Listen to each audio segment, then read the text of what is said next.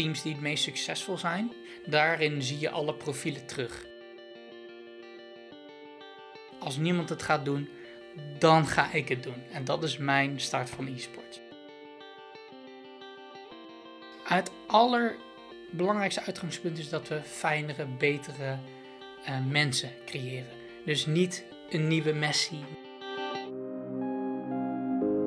Dit is Ga toch gamen de podcast. Een nieuw seizoen met bijzondere gasten en mooie verhalen. We gaan verder met onze ontdekkingsreis over de toppen en door de dalen van de gamingindustrie. Ik ben Niels Vermeeren. Ik ben Danielle Pascal-Verzeil. Game on. Stel je voor dat vanaf volgende week bij iedere voetbalwedstrijd gespeeld zal worden met een verzwaarde voetbal van zeg 200 gram extra. Het doel wordt met 35 centimeter verlaagd, 50 centimeter versmalt en wordt bovendien de buitenspelregel volledig geschrapt. Nou, het klinkt heel onwaarschijnlijk, maar hoe zou jij met een dergelijke verandering omgaan? Ja, dat is een goede vraag. Dat is. Uh,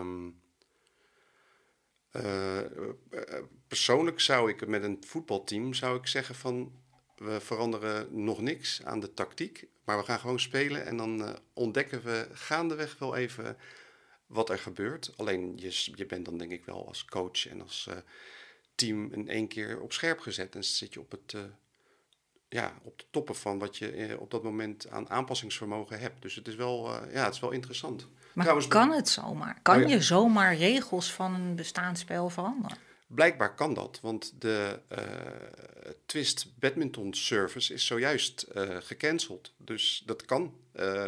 Ik denk, uh, en ik voorzie dat dat in de sport uh, vaker gaat gebeuren. Ook de buitenspelregel is ook ooit ineens bedacht, terwijl die daarvoor er niet was.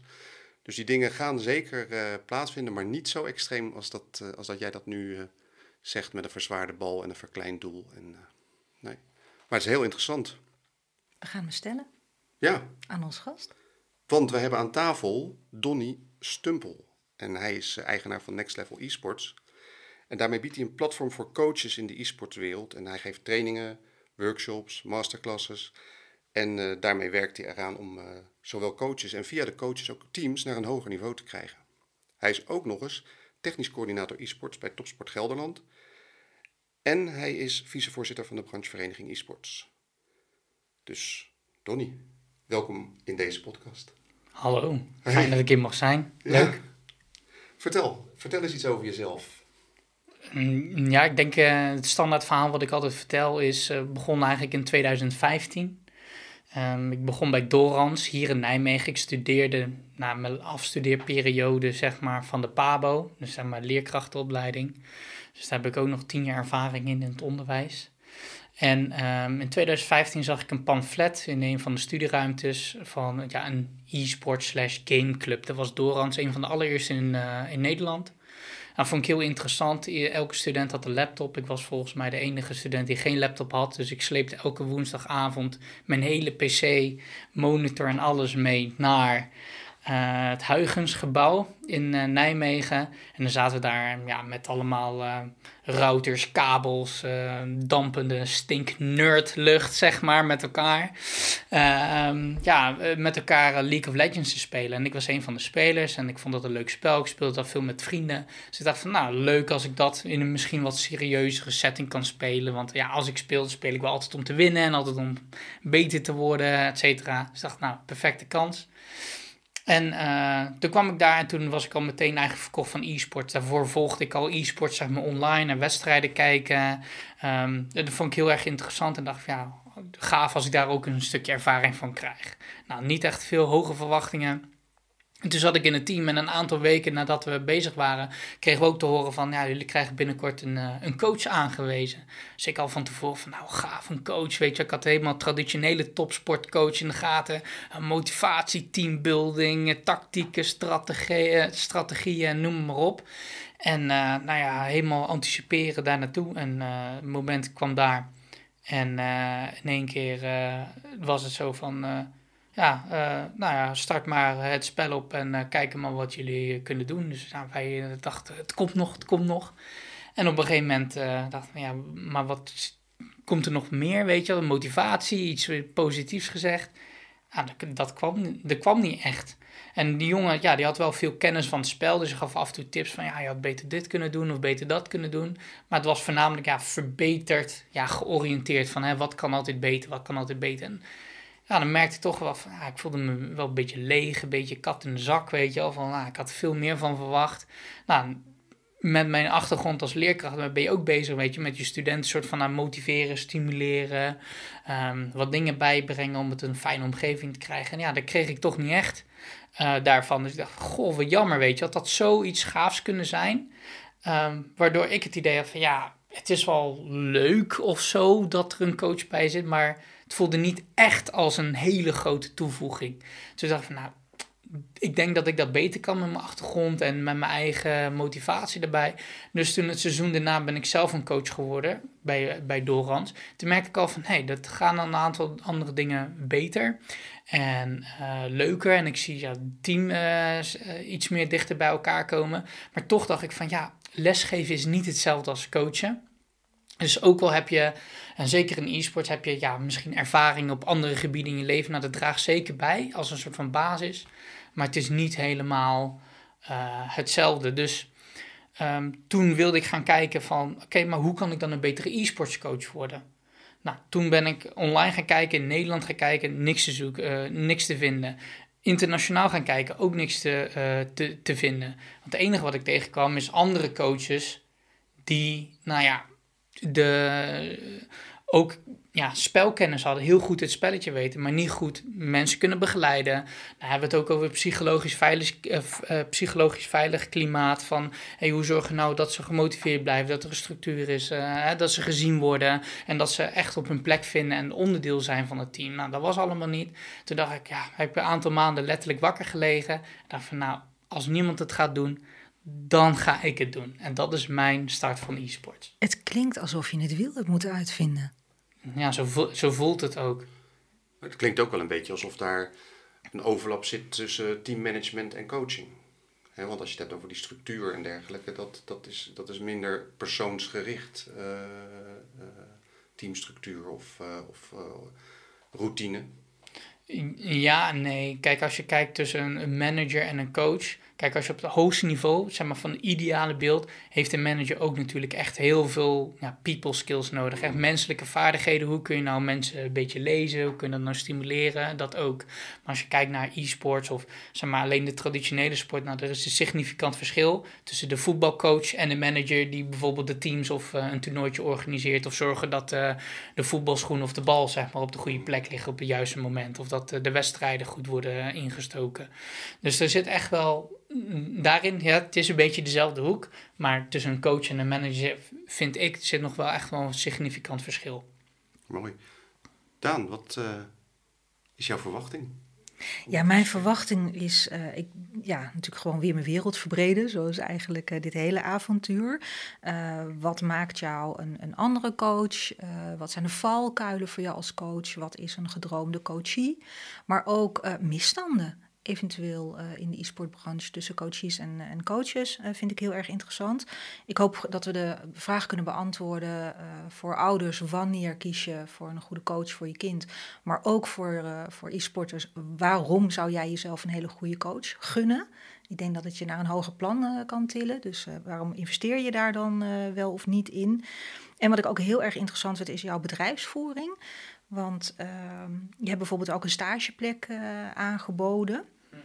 En uh, nou, waarom je dat doet en waarom je het belangrijk vindt om, uh, om op deze manier ook bij te dragen aan uh, bijvoorbeeld de opleiding e-sports game en event management.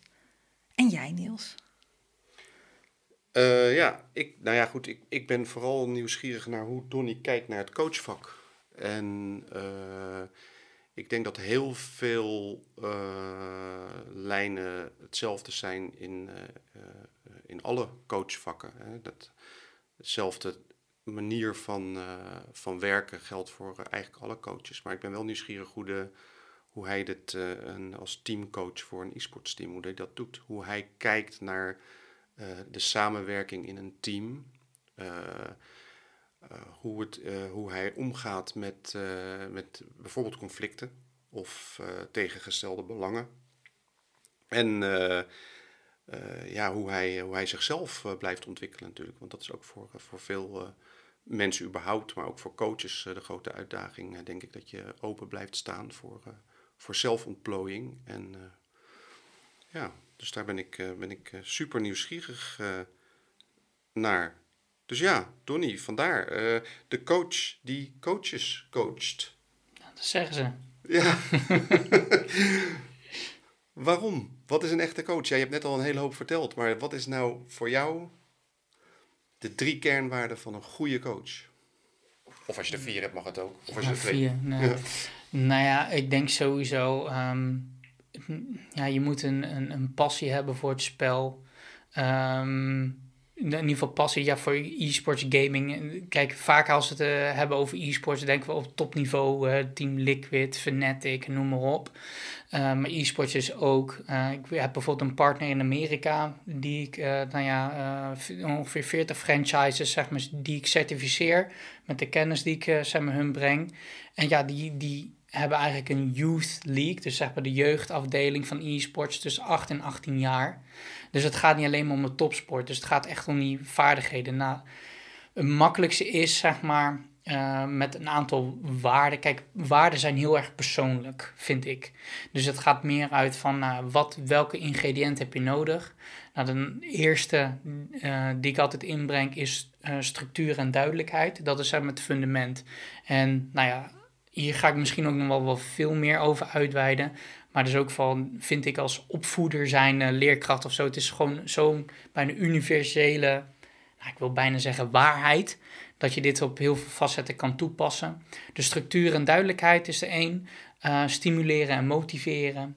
Dan heb je ook nog over in de, het geven van individuele aandacht. En ook nog uh, regie overdragen. als je, nou ja, meer hierover wil weten. Ik heb het vertaald naar het Engels en in de e-sport jasje gestoken. Maar uh, het heet eigenlijk de vier inzichten van trainerschap, ook door uh, NOC en NSF. En um, Team NL die gebruiken dat en ook in de traditionele sport. En ik vind dat ja, zo fundamenteel waar en krachtig dat het overal toepasbaar is. En ook al lijkt het heel fundamenteel of basis, als je dat kan, denk ik echt dat je een beetje echt wel in de hogere scholen van de universiteit van coachen echt goed je weg kan vinden. Ja, mooi. Dus dat zijn de vier, nou ja, waarden, pilaren dan. Ja, goed. Uh, maar voor jouzelf is dat natuurlijk ontstaan vanuit een frustratie uh, in eerste instantie. Uh, gaf je aan als League-speler, League of Legends-speler. Um, overigens wel een spel waarbij uh, goede coaching zeer op zijn plaats is. Uh, omdat het, uh, zoals ik het ken, een spel is wat en een behoorlijk ingewikkeld is om goed onder de knie te krijgen. En ook nog eens een keer zeer frustrerend is als het niet lukt. Um, dus vertel daar eens iets over. Hoe was jij als speler? Ja, als, als speler was ik altijd, um, zoals ze dat noemen, one-tricken. Hmm. Dus dat betekent, nou, je kan honderd verschillende manieren of honderd verschillende karakters spelen, 150. Maar ik koos er altijd voor om er eigenlijk maar één te kiezen. Dus daar heel goed in te worden en op die manier, nou, als een strateeg, hè, dus al het plan te weten tegen elke uh, aspect zeg maar van oh, dat je al weet hoe je moet reageren. Ik kan het op die manier zien als een soort van grandmaster in schaken, hè, grootmeester in schaken, om altijd een aantal stappen, vijf tot tien stappen vooruit te denken, omdat je zo goed bent in één karakter. Nou, dat heeft inderdaad. Uh, nou ja, ik zie Daniel uh, wijzen naar een, een van de posters die bij mij in de kamer hangen. Dat is inderdaad een strategist die er, die er staat. En nou, dat is inderdaad een profiel die bij mij past. In ieder geval uh, in vormen van persoonlijkheid, hoe ik ook ben. Dus ik ben altijd uh, met de toekomst bezig, visie. Um, en nou ja, als je kijkt naar mij of ook spelers die hetzelfde soort uh, typering hebben of profiel, die gaan eigenlijk het spel in met de gedachte: um, ik heb al gewonnen door mijn strategie voordat ik begin. He, dus echt al die tien stappen vooruit. Ik weet hoe dit gaat. Dan de volgende stap. En als ze dit gaan doen, dan heb ik altijd een antwoord. Um, en dat is een manier van spelen die ik prettig vind. En hoort vaak ook, nou ja, de, uh, ja, de one-track bij. Of eh, specialisatie in één specifiek iets. Ja. Dus dat was ik als, als, als speler, om zo te zeggen. Ja, en dan kan je dat helemaal in een spel als League, kan je dat helemaal uitontwikkelen. Kan je dat helemaal fijn slijpen. Kan je daar honderd keer in op je bek gaan, zo gezegd. Zeker. En dat wordt beter en beter en beter. Ja. Maar je wordt in ieder geval niet afgeleid door eh, de verleiding van... oh, ik wil ook eens, die, ook eens die character spelen... of ik wil ook eens dat of hero spelen en ik wil die spelen. Dat heb je dan dus niet. Zelden, Ja. inderdaad. Omdat je weet waar je aan toe bent. Ehm, en ja, het, gewoon, het, het voelt comfortabel en je weet van, nou, ik wil het beste uit mezelf halen. En als ik dat karakter speel, dan weet ik dat ik het beste uit dat karakter kan halen. Dus 1 en 1 is 3. Dus ja, die twee samen, dat gaat goed. Ja, en die one-trick ponies staan niet altijd heel positief eh, eh, zeg maar op het beeld bij, eh, in teams. En ook in Discord of als je in een call zit of iemand dan weer, weer dezelfde, wat ik dan zelf heb meegemaakt, dat, je, dat daar niet altijd positief op wordt gereageerd. Hoe zie jij dat? Nou ja, kijk, er zit heel veel, eh, denk ik, nog wel eh, verschil in. Kijk, als je kijkt naar de professionele eh, teams, ja, dan kom je niet ver met de one-trick pony. Kijk, ik ben meer daarin, ik hou van e-sports, ik heb e-sports bedreven, zeg maar op, collegiate level, om maar zo te zeggen. Ehm, ja, niet echt het hoogste niveau, dus dan kom je ermee weg. En dan heb je bijvoorbeeld, ja, daarnaast natuurlijk heb je nog wel twee of drie anderen die ook wel regelmatig speelt. Maar 90% van de tijd speel ik mijn vaste karakter. Ehm, dus ja, je moet wel enigszins flexibiliteit hebben. Maar goed, het is wel zo. Kijk, als je iets nieuws doet, maakt niet uit ehm, wat, het, wat het is. Noem schilderen. Ja, je wilt Picasso nadoen. Ja, dan ga je niet één keer een schilderij maken, Picasso, en daarna van Monet of iets anders, en daarna van Gogh. Nee, je gaat eerst honderd schilderijen van die maken. Zeg maar, dus one-trick is ook een soort van ja, leerstrategie heel erg verdiepen. En omdat je je karakter heel goed snapt, nou, dan kun je ook sneller het spel leren. Omdat je niet afgeleid bent door, nou, eh, wat doet dit nieuwe karakter? Oh, ik had sneller moeten reageren, want zus en zo. Omdat je te veel met je karakter bezig bent. Omdat ik dit vaste karakter speel, ben ik veel meer bezig met het spel zelf dan het karakter. Dus nou ja, dat is ook weer een, eh, een nou ja, vind ik een voordeel, maar het heeft zeker ook nadelen. Laten we daar ook duidelijk in zijn.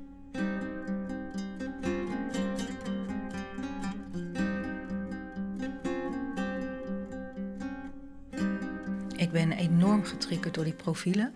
Want hè, zoals je al zei, we zitten in jouw kantoor en eh, ik zie ze hier aan de muur hangen. Ehm, er staat ook eh, impulsief bij, idealist bij en een planner bij. Ja. Eh, wat ik jou hoor zeggen is van, joh, jij bent één van deze profielen. Een coach zou je kunnen helpen, is mijn vertaling ervan, van om dat verder uit te diepen, om daar te kijken hoe ver je kan komen. En in het meest ideale team zouden dus alle deze vier profielen aanwezig moeten zijn om echt eh, de sky's the limit te bereiken. Of zeg ik als complete eh, niet bekend zijnde persoon in deze branche iets ongelooflijk doms. Ja, nee, je zegt eh, zeker niets eh, wat dom is. Hoor je dat Niels? Ik zit ja, erin. Ja, je zit er echt in. Ehm, kleine, kleine uitleg eromheen. Als je het hebt over die profielen.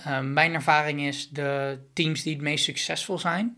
Hè, ook langs bij elkaar blijven, de meeste chemie krijgen. Daarin zie je alle profielen terug. Ehm, maar er is wel eh, een maar. En dat is, ehm, ze hebben hulp nodig.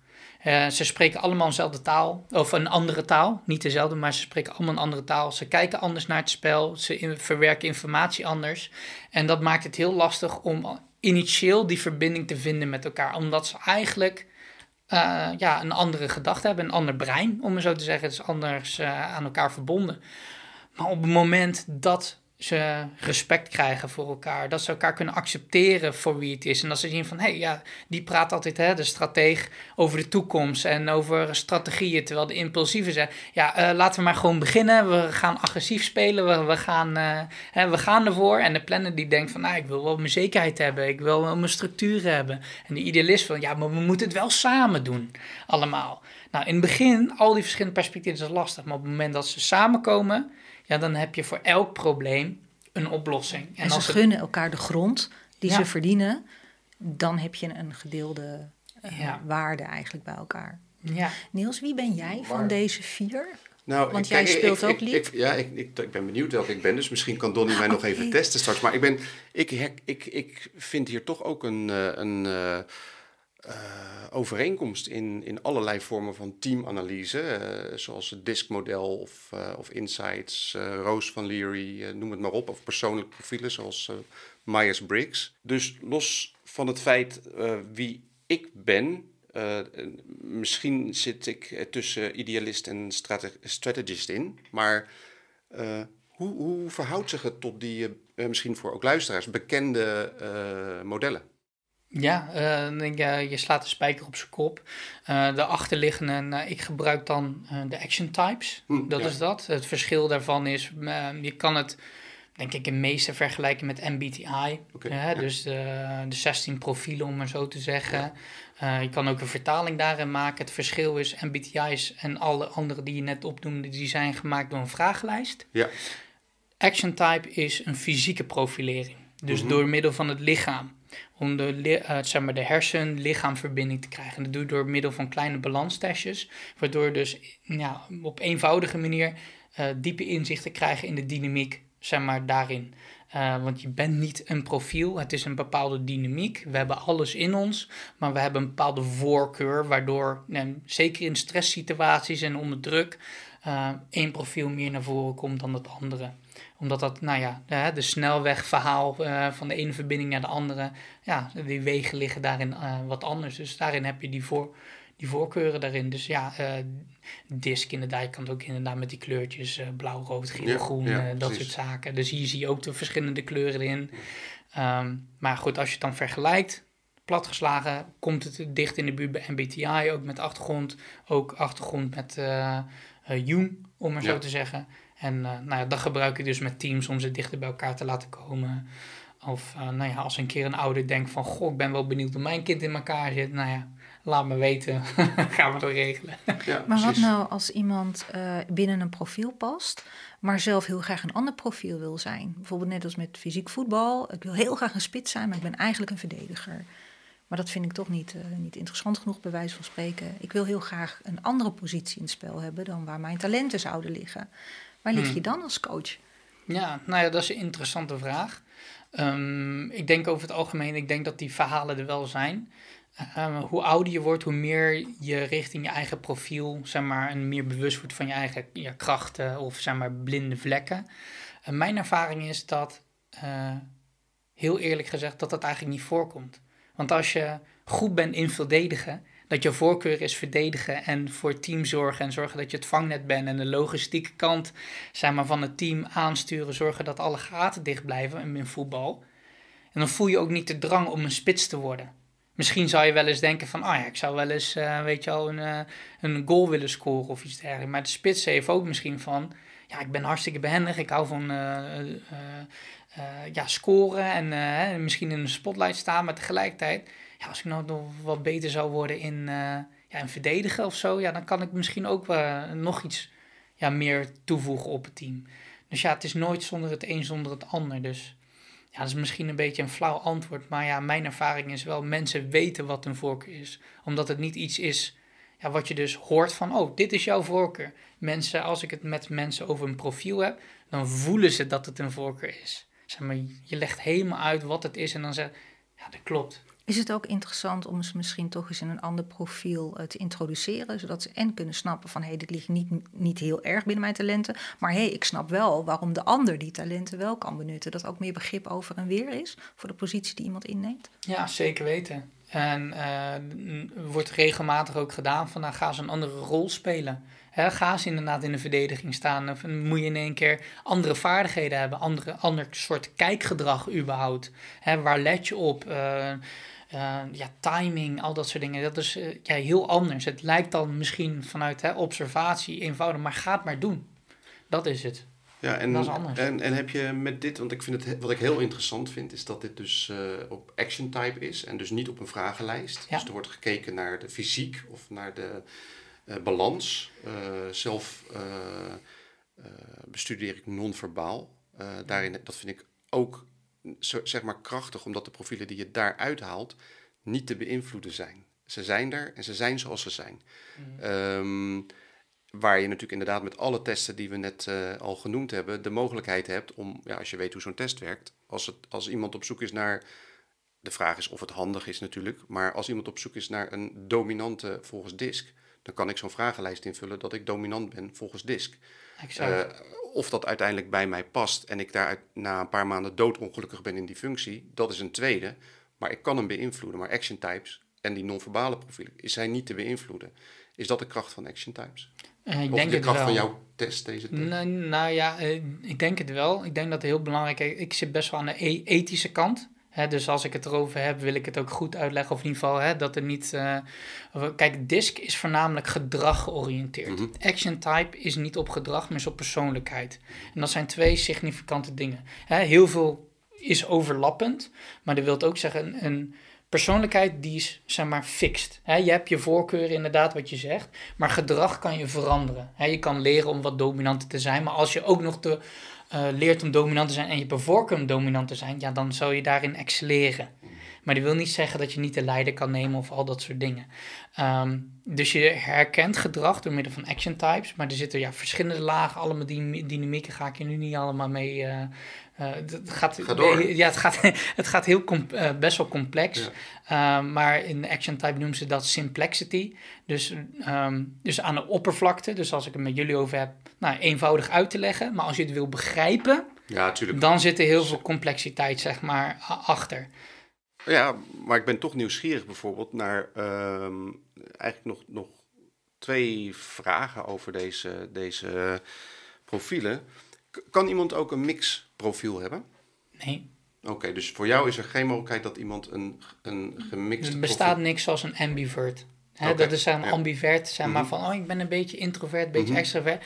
Nou, we hebben allemaal introverte karakteristieken en extrovert. Hè, soms de enige tante die heel veel kwept op de verjaardag, nou, die is waarschijnlijk extravert en meer aan die, uh, aan die kant. Maar die heeft ook af en toe een momentje, ook al is het maar misschien één dag in het jaar, dat hij ook even moet opladen. En we hebben allemaal die balans. Dus het is een dynamiek en uh, we switchen in die dynamiek. En dan kan je aflezen aan de houding, hoe iemand erbij gaat zitten. En net als dat je in bed ligt, af en toe voelt je lichaam, je moet even anders zitten. Nou, dat is waarschijnlijk een dynamiek waardoor je, nou ja, dynamiek zeg maar, je, ja, klinkt dan weer heel spiritueel, maar je energie aan het veranderen is, waardoor je dynamiek en ook je voorkeuren en houding en hoe jij met de wereld omgaat ook veranderen. Dus ja, het gaat, het gaat echt heel. Uh, dus er is een verandering mogelijk, maar iemand is wel zuiver een typering wat jou betreft. Ja. Oké, okay, interessant. En uh, nou ja, nu natuurlijk de, de, de klap op de vuurpijl aangaande de profielen. Ik, ik ben ook wel nieuwsgierig of je ze dan in één of twee zinnen per profiel die highlights kan schetsen als we het hebben over gamers. Dus je bent een planner, want. Hè, ja, ja uh, laat met die, die, ik net hebben even zo het cirkeltje Prima, rond. In ieder geval, uh, de eerste is uh, de stratege of de strategist, zoals ik dat dan noem.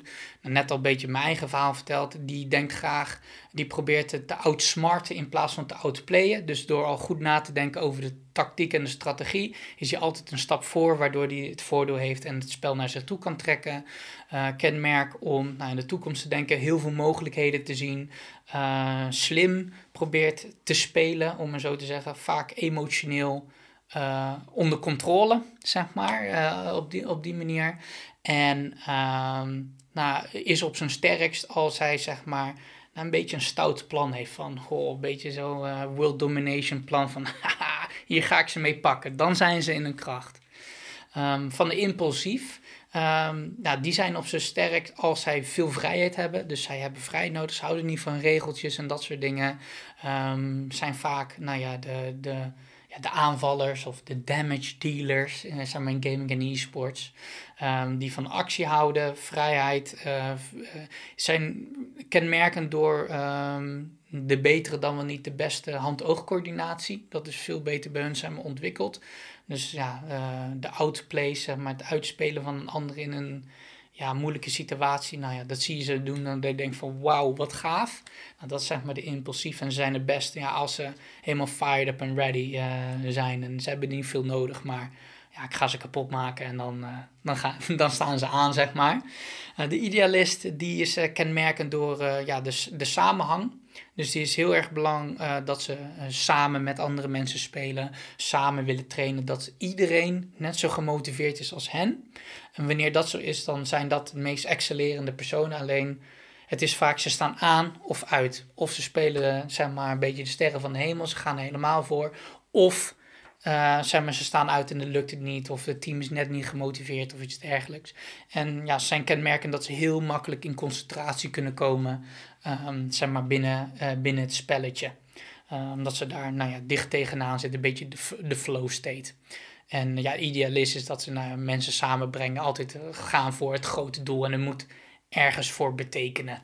Hè, waardes en zingeving is daarin heel belangrijk. En hij was laatste de, de, planner.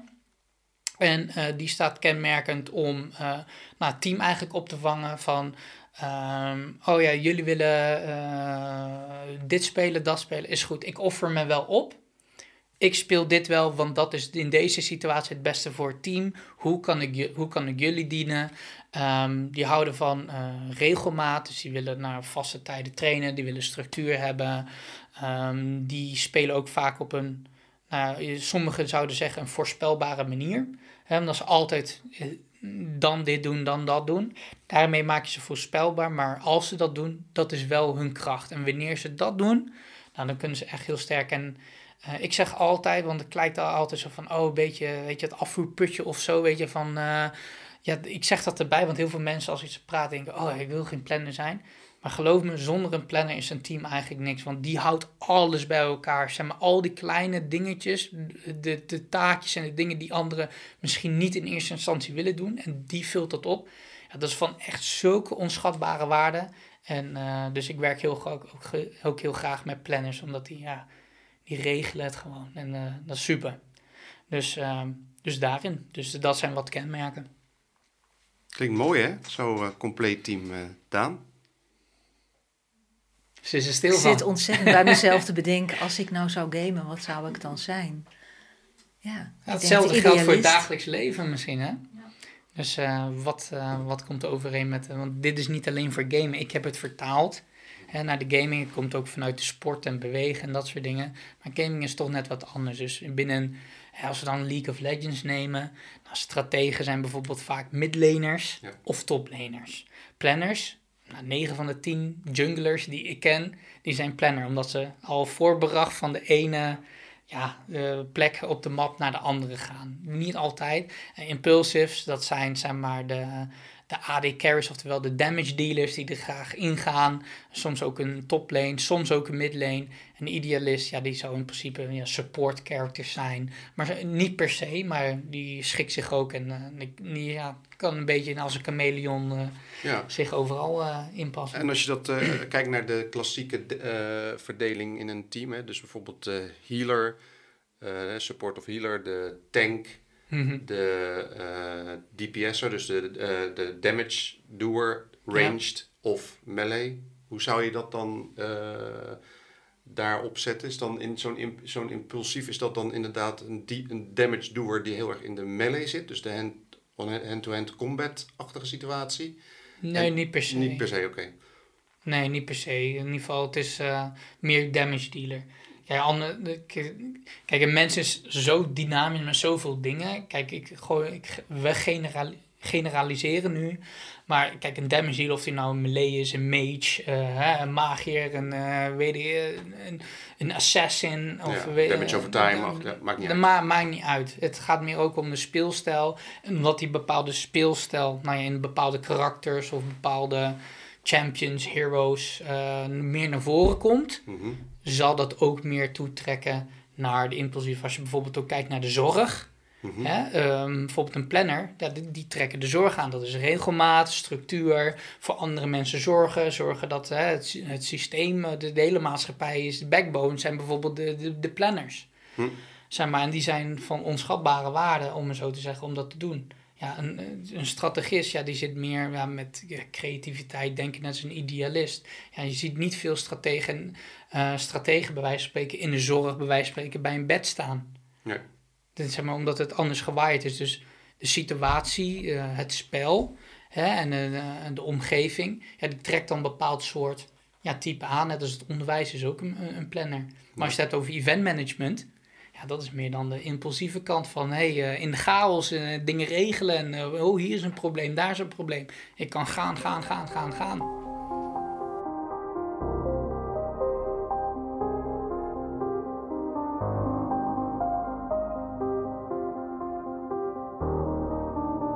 Zal toch wel heel duidelijk maakt hoe belangrijk het is te weten binnen welk profiel je past. Jezelf leren kennen, de ander leren kennen. Ehm, als je de topsport echt wil bereiken hè, binnen e-sports, dan is het dus heel belangrijk om aan die ontwikkeling bij te dragen. En dat is dan een reden om een coach in te schakelen. Mm. Wat, wanneer zou jij ehm, spelers, ouders, omgeving eh, aan kunnen raden? Of wat kan je ze aanraden van wat is het moment om te zeggen, nu investeren in een goede coach? Om je, ontwikkelen, om je te ontwikkelen, om tot een hoger plan te komen, om misschien wel in die, die topsport te komen. Ja. Ehm, ja, kijk, eh, een beetje voor de luisteraar, want ik weet zeg maar dat het nou niet alleen maar gaming en e-sports enthousiastelingen zijn. Ehm, ik wil me eigenlijk omdraaien met anderen hè, om deze vraag te beantwoorden. Ehm, wanneer huur je een uh, gitaardocent in? Wanneer doe je dat? Nou, denk, denk me na. Oké, ja, wanneer mijn kind uh, gitaar speelt en nou, daarin beter wil worden, of ik als ouder wil zorgen dat hij niet alleen hè, als kattengejank op de gitaar wil spelen, maar ook leert om zorgvuldig om te gaan met de apparatuur. Ik wil weten, uh, misschien hem de kans bieden om daarin kansen te creëren richting toe. Misschien wil hij muzikant worden of gewoon in een bandje. Of dat hij keren als hij uh, 19 jaar is een meisje ontmoet en een keer daar een move op kan maken. Zeg maar van nou, misschien als ouder denk je daar misschien een halve seconde over na. Dan denk je, ah, dat is eigenlijk wel leuk als je daar wat begeleiding mee krijgt. hey, goh, weet je wel, hey Shaki, vind jij misschien leuk om één keer of twee keer in de week gitaarles te krijgen? Hè? Van die en die, gewoon een uurtje of anderhalf uur en dan ontwikkel je. Nou, ik denk hetzelfde is als ouder. Als jouw kind uh, geïnteresseerd is en een passie heeft voor uh, gaming en e-sport. En uh, niet alleen gewoon ca casual spelen, maar niet alleen beter worden in een spel, maar wat een begeleider nog meer kan doen. Het gaat over een stukje leren, een stukje begeleiding, een stukje uh, stimuleren van leren waarderen wat je aan het doen bent. En dat ook een soort discipline krijgen van oké, als je wil beter worden in gitaarspelen, nou dan zal je moeten oefenen. Hè, krijg je huiswerk mee, al dat soort dingen. Hetzelfde is voor een gamecoach. Het is niet dat een gamecoach gezellig als, uh, alleen maar als vrienden speelt. Nou, ga maar spelen en ik ga je wat aanmoedigen en hier en daar een tip geven. Nou, er zijn genoeg coaches die dat wel doen. Ik streef ervoor om in de toekomst ook coaches daarin uh, mee te geven of dat ouders de kans krijgen van hé, hey, ik nou, dat spreekt me wel aan, zeg maar, wat Donnie zegt. Waar kan ik dan zo'n coach krijgen? Nou, ik heb bijvoorbeeld ook een, een netwerk, maar ik zou heel graag zien dat er een platform komt voor Nederland alleen, specifiek om het even klein te houden, waar ouders ook kunnen zeggen van, hé, hey, ik wil daarin ook ontwikkelen en dat mijn kind daarin die begeleiding kan krijgen, want die heeft die passie ervoor, die heeft die interesse ervoor en ik kan het op een veilige manier te doen. Die kan het goed stimuleren. Die kan ermee een stukje hè, de, de structuur en duidelijkheid, de verwachtingen erbij nemen. Ook uh, individuele aandacht geven. Hoe gaat het met school en wat voor invloed heeft dat op je spel? En wat heeft je spel voor invloed op school? Al dat soort zaken. Dat komt er allemaal bij, bij een goede coach. Nou, waar wij het wel vaker over gehad hebben, Niels, is dat het eigenlijk besproken moet worden tijdens verjaardagen, op het schoolplein, uh, langs de lijn bij een, uh, bij een andere outdoorsport. Van joh, mijn kind kan eigenlijk heel goed gamen, daar wil ik hem verder bij helpen of in laten ontwikkelen. Daar moet eigenlijk gestart worden. Nou ja, daar moet het in ieder geval tot uiting komen. Want ja. het is natuurlijk heel makkelijk om te zeggen, ja, mijn zoon heeft een hattrick gescoord. Maar, of mijn dochter heeft een uh, fantastische penaltyreeks gestopt. Maar het is, het is natuurlijk, niemand zegt van mijn zoon had zoveel winst in Fortnite of, uh, of, uh, of uh, is eindelijk ranked in Hearthstone. Dat is niemand die dat daarover praat met elkaar. Dus de, in die zin blijft het toch een beetje onbekend. Of mijn kind wordt nu gecoacht. Hè? Ja, hij of, kan op woensdagmiddag niet of op nee, donderdagavond want niet. Want, want hij heeft, coaching. coaching. Of, ja, ja. precies. Want hoe sta jij daarin? Dat dit gewoon op verjaardagen, schoolpleinen, noem maar op, misschien ook wel op een oude avond op school een keer verteld kan worden van... goh, uw kind is misschien heel enthousiast over een bepaalde sport... of een, of een, bezigheid. Heeft u wel eens gedacht aan goede coaching op het gebied van, van ja. e-sports? Nou, ik denk dat dat uh, fantastisch is. Naar de scholen. Naar de scholen en, en buurthuizen, alles. Kijk, dat is dan uh, een soort van ideaal plaatje. En dat lijkt nu nog heel ver weg. Alleen ik denk dat we daar dichterbij zitten dan we misschien beseffen of denken. Um, wat belangrijk daarin is, is dat we, nou ja, we, dus eigenlijk als e-sports, gamingbranche, goed schetsen wat dan de meerwaarde is van zo'n coach. Nu is het van, ja, coach, gaat u nog meer gamen?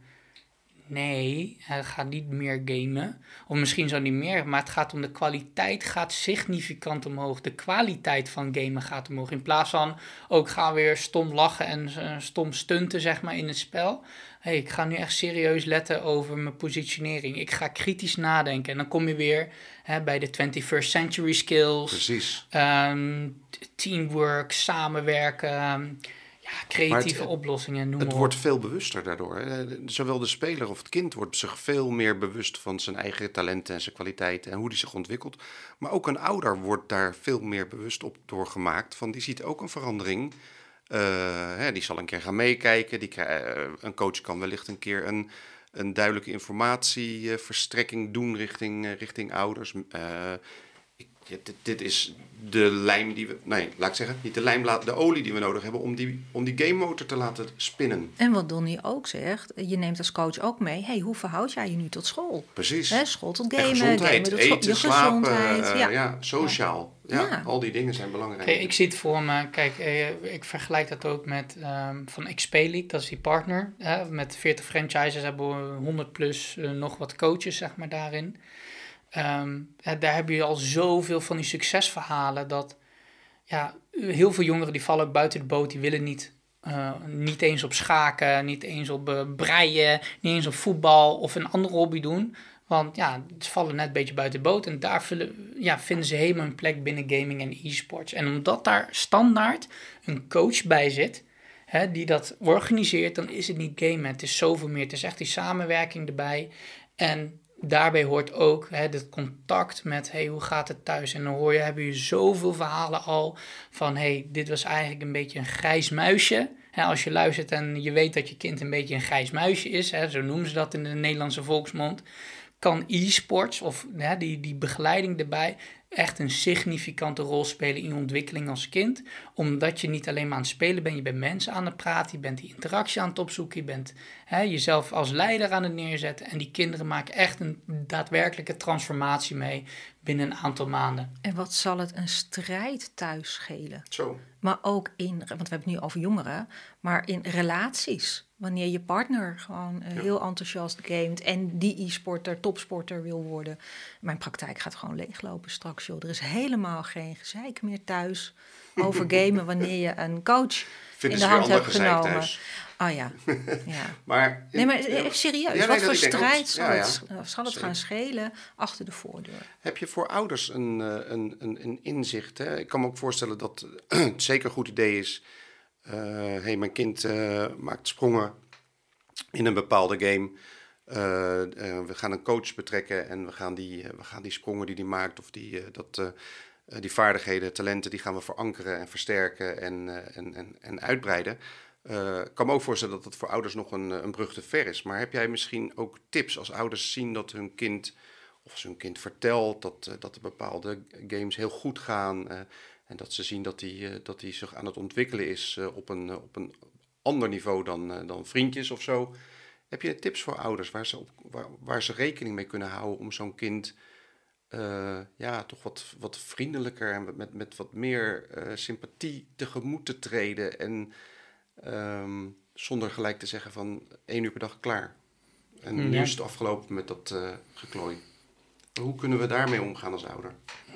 Ja, omgaan. Kijk, uh, het klinkt heel eenvoudig en dat is niet altijd zo gedaan. Maar in de hoop dat al, als je luistert op dit moment en je hoort mijn stem, is het volgende wat ik zou echt diep aanraden. Stel, jouw kind zou bij de scouting zitten je, je kind komt terug na twee, drie uur. Het is vaak een middag. Hè? Dan ga je hutten bouwen, allemaal leuke dingen doen. Ook allemaal vaardigheden ontwikkelen. Dan kom je terug. Wat is het eerste wat je vraagt? Is van, ja, hoe was het? Wat heb je vandaag gedaan? Wat heb je geleerd? Heb je nog met mensen gesproken? Als je datzelfde metafoor, puur diezelfde gedachte van... hé, hey, mijn kind is nu klaar van een game sessie zaterdagmiddag van 2, 3 uur. Of misschien is het wel een keer 6 uur. Ga eens een keer zitten. Ik denk niet dat ik de enige ben die dit wel eens heeft gezegd, maar oké, hoe was het? Met wie heb je gesproken? Wat heb je geleerd? Hoe, hoe leuk was het? Zeg maar. En Nou, ik, ik ben ook kind geweest. Ik kan me ook niet die discussies uh, zijn een beetje herinneren. Ja, een 9 van de 10 keer zou je kind uh, zeggen misschien wel... Ja, was leuk en weet ik het allemaal. En een kind die zegt, geeft die korte antwoorden dat jij er ook eigenlijk niks mee kan... is puur omdat jij als ouder en de kind weet en die voelt... dat jij er geen ene hout van kan snijden. Je snapt, je snapt er niks van. Dus wat is er dan? Maar blijf die vragen stellen, elke keer met dat perspectief van oké, is nu klaar? Hoe was het? Wat heb je geleerd? Wat heb je gedaan? Wat was leuk? Wat sprong eruit? Of heb je nog een, leuke actie gehad? Of heb je nog ergens om gelachen? En wanneer je daarin langzaam inrolt, nou, dan ga je ook een beeld vormen. Dan is het van ga eens over de schouder meekijken van hoe ziet dat spel eruit en wanneer is het dan grappig, wanneer lachen ze dan wel, wanneer niet. En dan niet per se als een, een psycholoog, weet je, met je aantekeningboek erbij, want daar houden kinderen helemaal niet van. Maar gewoon bouw het langzaam op en ja, doe dat met een soort van liefde. En ga er niet vanuit dat je binnen een week snapt, ga er niet vanuit dat je binnen een maand snapt. Maar tegelijkertijd, ik zeg het wat het is, einde van de dag is het jouw kind. Jouw kind heeft interesses. En als jij het niet snapt, dan verlies je ook zeg maar je kind en die verbinding. En zie je het als het iets dat tussen je staat, zeg maar als kind in je relatie, of zie je het als, hey, dit is misschien een brug om een diepe band van nou, plezier, liefde te creëren. En dan hoor ik ook, hè, ik praat een beetje voor beide kanten, want ik heb hetzelfde proces meegemaakt. Ook ouders die dan zeggen, ja, maar dat gaat echt niet met mijn kind lukken. Dat gaat echt niet gebeuren, weet je wel. Altijd mijn ruzie, dit en dat, hoe ik dat, dan weer kan doen. Um, nou, er zijn heel veel dingen voor. Ik zou zeggen, als het jou interesseert, hè, want ik kan nu niet alle antwoorden geven, het is maar een podcast van weet ik hoe lang. Um, we hebben het ook over andere dingen. Als jij het echt interesseert als ouder, die jij, hoe jij nu luistert en mijn stem hoort, ik zeg het hè, om je heel bewust te maken van het moment, dan, dan plan je nu in je agenda in van ik ga een uurtje googlen, ik ga een uurtje YouTuben, wat is gaming, wat is e-sports. Want als, als dat niet eens kan voor jou, en dan, hè, dan ben ik best wel direct, best wel, ik, zet je, ik zet je voor het stuk. Maar wat geeft jou dan het recht om daar dan een mening over te hebben? Wat geeft jou dan de, situatie of dat jij er dan een mening over kan worden terwijl je niet snapt? En als je het wil snappen, dan, dan ga je daarna op zoek.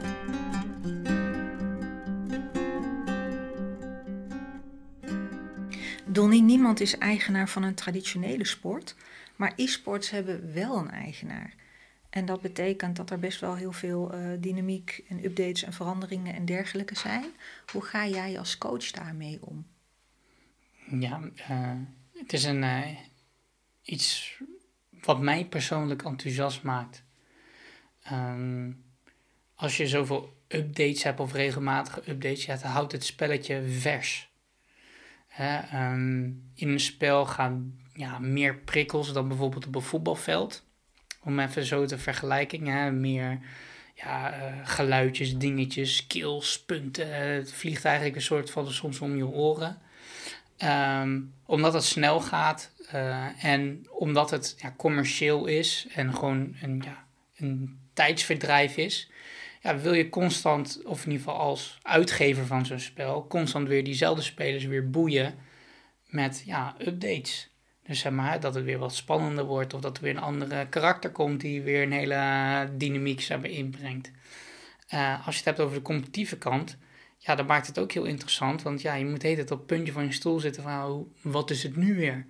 en als je dan kijkt van oké, maar wat ze hebben deze veranderingen, ook al lijkt het maar echt minimaal. Ja, het heeft een grote verandering vaak op het professionele niveau. Dat je in één keer andere karakters ziet, dat er een andere speelstijl wordt gehanteerd.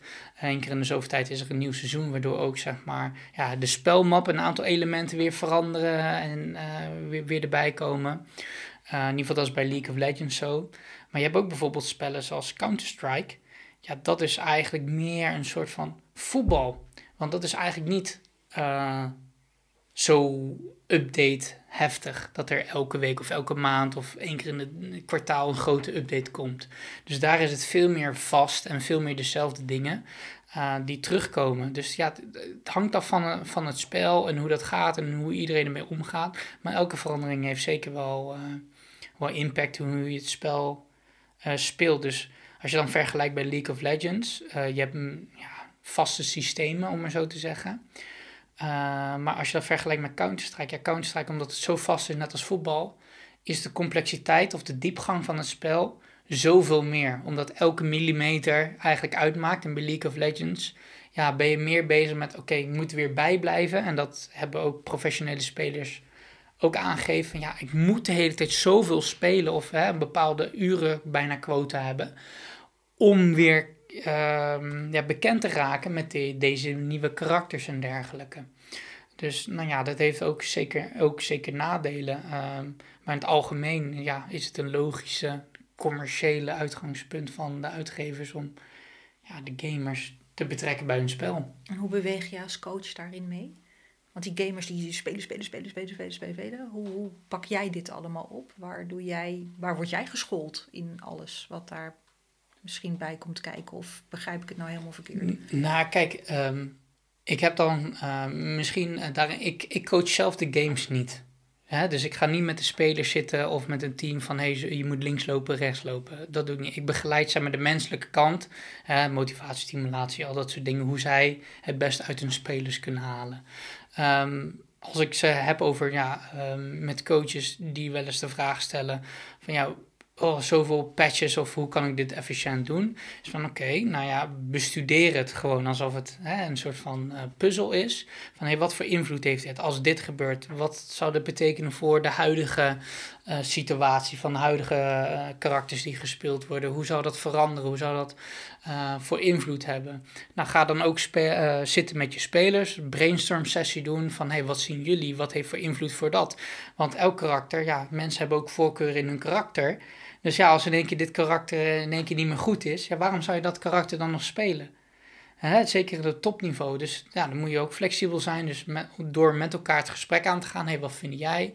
Dus zo noemen ze dan theory craften. Dus van tevoren op basis van de patch notes, dus de, updates die eraan komen. Er wordt vaak een week of soms een maand van tevoren, afhankelijk van de grootte, al een beetje doorgeschemerd. Dan ga je al theory craften van nadenken van, oké, wat voor invloed heeft dit? En dan vaak in die maand daarna zie je allemaal, nou ja, weer creatieve oplossingen van pro-spelers, maar ook amateurs. Ja, dan wordt er weer iets nieuws, uh, zeg maar, gemaakt. En ja, dat houdt het weer vers voor iedereen, weer interessant. En ja, als je daar ook goed in bent, dan hoef je niet altijd de beste speler te zijn. Maar je kan je wel op basis van een situatie of hoe je bepaalde ja, dingen inzet, wel bovenuit komen. Hey, jij traint coaches, hè? Dus dat is. Je, je, wat, wat, wat voor fouten worden er nou gemaakt in een uh, e-sports team door coaches of door teams? Wat zijn nou de meest voorkomende dat je denkt van nou, heb je ze weer met... Nou ja, uh, spelkennis. Hmm. Dat zijn maar de voorbeelden die... Het is nog niet zozeer van... Uh, oh, we zitten al aan de pinnacle van e-sports. En dat er een goede balans is. En er staat altijd een fantastische coach achter... die alles weet en doet en alles bij elkaar kan houden en kan bouwen. Um, ja, de grootste fout is dat er voornamelijk de nadruk ligt op het spel. Hè, uiteindelijk wordt het spel gespeeld door spelers, maar die spelers zijn aan het einde van de dag mensen. Dus al die dynamieken. En ja, coaches denken van ja, tussen uh, een, een, keuze van ja, 160 uh, zeg maar, ja, karakters die je kan kiezen. Oh ja, maar nu in deze update is die echt heel goed. Dus ja, ik wil dat jij die gaat spelen. Ja, die speler heeft dat misschien al een jaar lang niet aangeraakt, niet gespeeld. Die is nou, roestig, die kan niet uit de, uit de voeten, die weet zijn maar de kleine details niet. Ja, oké, dan heb je objectief, quote-unquote, uh, zeg maar, ja, de beste karakter gekozen. Maar je hebt te maken met de mens, met ook weer bepaalde dynamieken. Die voelt zich misschien weer ja, niet uh, ja, zelfvertrouwd of uh, ja, zeker genoeg op, de, uh, op die speler, waardoor hij niet alles uit kan halen. Wat misschien maar, daarin het idee is. Dus ja, dat, dat, ja nou, dat eigenlijk, en dat dan keer tien. In de zin van niet alleen op het karakter, maar ook op de strategie, op de keuzes. Um, ja, uh, dat er veel, veel te veel aandacht ligt op het negatieve. Dus, oh ja, hier deden we het fout, hier, dit moeten we zo doen. Of uh, dat er niet met systemen wordt, uh, zeg maar, ge, gecoacht. Hè? Dus dat er geen vangnet is om terug te vallen. Van, hey, we hebben afgesproken, eerst doen we dit, daarna doen we dat. Uh, waardoor van, hé, hey, we hebben deze fout gemaakt omdat we het systeem niet hebben gevolgd. Want eerst zouden we dit doen. Nou, dat ging dan nog lopen, maar wat vaak gebeurt is van, oh ja, hier werd een fout gemaakt en dat er dan echt een half uur wordt gepraat over zo specifiek iets, over een situatie wat misschien één keer in de miljoen keer specifiek precies zo, zeg maar, zal nog een keer herhaald kan worden. Waardoor er heel veel tijd en energie en motivatie verloren gaat in lange gesprekken waar altijd niet alle spelers of mensen zeg bij betrokken zijn. En dat komt gewoon omdat nou, vaak zijn coaches oud-spelers, hebben veel kennis, maar niet zijn we de menselijke kant en van hoe kan ik dat nou ehm, begeleiden. En dat gebeurt op het hoogste niveau. Ik had laatst nog een paar weken geleden een cursus en ik had uh, gisteren een berichtje gekregen van een Rocket League coach. En uh, ja, uh, zijn hele team lag een beetje op instorten, echt op een hoog niveau. Nou, cursus doorlopen en hij zei, nou fantastisch, want alle dingen die ik leerde zijn nu toepasbaar, heeft hij gedaan. En nu ja, was hij een bepaald toernooi toch nog tweede geworden in plaats van niet eens gekwalificeerd, terwijl hij de vorige keer twaalfde was geworden. En dat hij zei van ja, het gaat nu zoveel positief. Ik heb echt het gevoel dat ik nog nooit zo goed heb gecoacht en al deze dingen. En ja, het zit hem echt in die kleine dingen. Heel veel coaches die denken, oh, ik heb game, eh, game knowledge. En als je dan wat uh, zegt van, ja, je moet ze wel uh, complimenten geven. Oh ja, dat doe ik wel. En het enige wat ze dan doen is van, ja, good job, weet je wel. Ja, goed gedaan, goed gedaan, ja, lekker bezig. Oké, maar doe je dat keer duizend? Wat doe je dan eigenlijk? Hè? Dat is een soort van mijn gedachte. Als je een bepaald gedrag vertoont, stel je doet dat keer duizend. Wat is dan het effect? Is het dan positief of negatief? En dan denk je, ja, goed, goed gedaan. Goed gedaan, goed gedaan. Ja, echt goed gedaan ja, op een gegeven moment heeft het helemaal geen inhoud en dan verliest het op een gegeven moment. En je wil dus echt concrete, beschrijfelijke complimenten geven. Nou, hoe doe je dat? Ja, dat doe je niet zo 1, 2, 3. Dan moet je oefenen. En ja, nou ja, dat, dat soort zaken, dus echt die positieve kant, mag meer belicht worden. Dus, nou ja, problemen, te veel negatief, te veel gamekennis. En dan heb je, ja, uh, wat, wat meer kan dus echt die positieve benaming, meer met systemen gaan werken en weten hoe mensen enigszins in elkaar zitten. Want ja, dat is eigenlijk mijn, ja, mijn start geweest. Coaches weten niet hoe mensen in elkaar zitten. En de reden dat ik dat daarachter kwam is, uh, probeer dan een, een, ja, een aansluiting op de markt. Hè. We moeten ook mijn geld verdienen. Dus ik dacht van ja, ik kan wel doen wat ik leuk vind. Maar als er geen behoefte naar is, ja, kan ik wel fluiten naar mijn centen. Dus ik heb voordat ik begon met Next Level eSports 20 problemen verzameld. Of eigenlijk casussen. Ben naar teams gegaan, coaches, managers. En ik zei, ik wil jouw probleem hebben. 1 tot 3 problemen en die ga ik voor je oplossen. Maakt niet uit wat je zegt, ik ga het oplossen. Dus door basis van boeken lezen, YouTube filmpjes, blogs en noem maar kwam ik met oplossingen. En het einde van die nou, 20 of 21 problemen die het was, zag ik een rode draad. Het ging allemaal over mensen. Ja, uh, hoe kan ik eigenlijk tussendoor mijn spelers beter motiveren? Ja, ik heb conflict tussen mij als headcoach en assistant coach. Hoe kan ik dat oplossen? Ja, met, mijn team werkt niet goed samen. Mijn communicatie is niet goed. Het komt allemaal over, over mensen.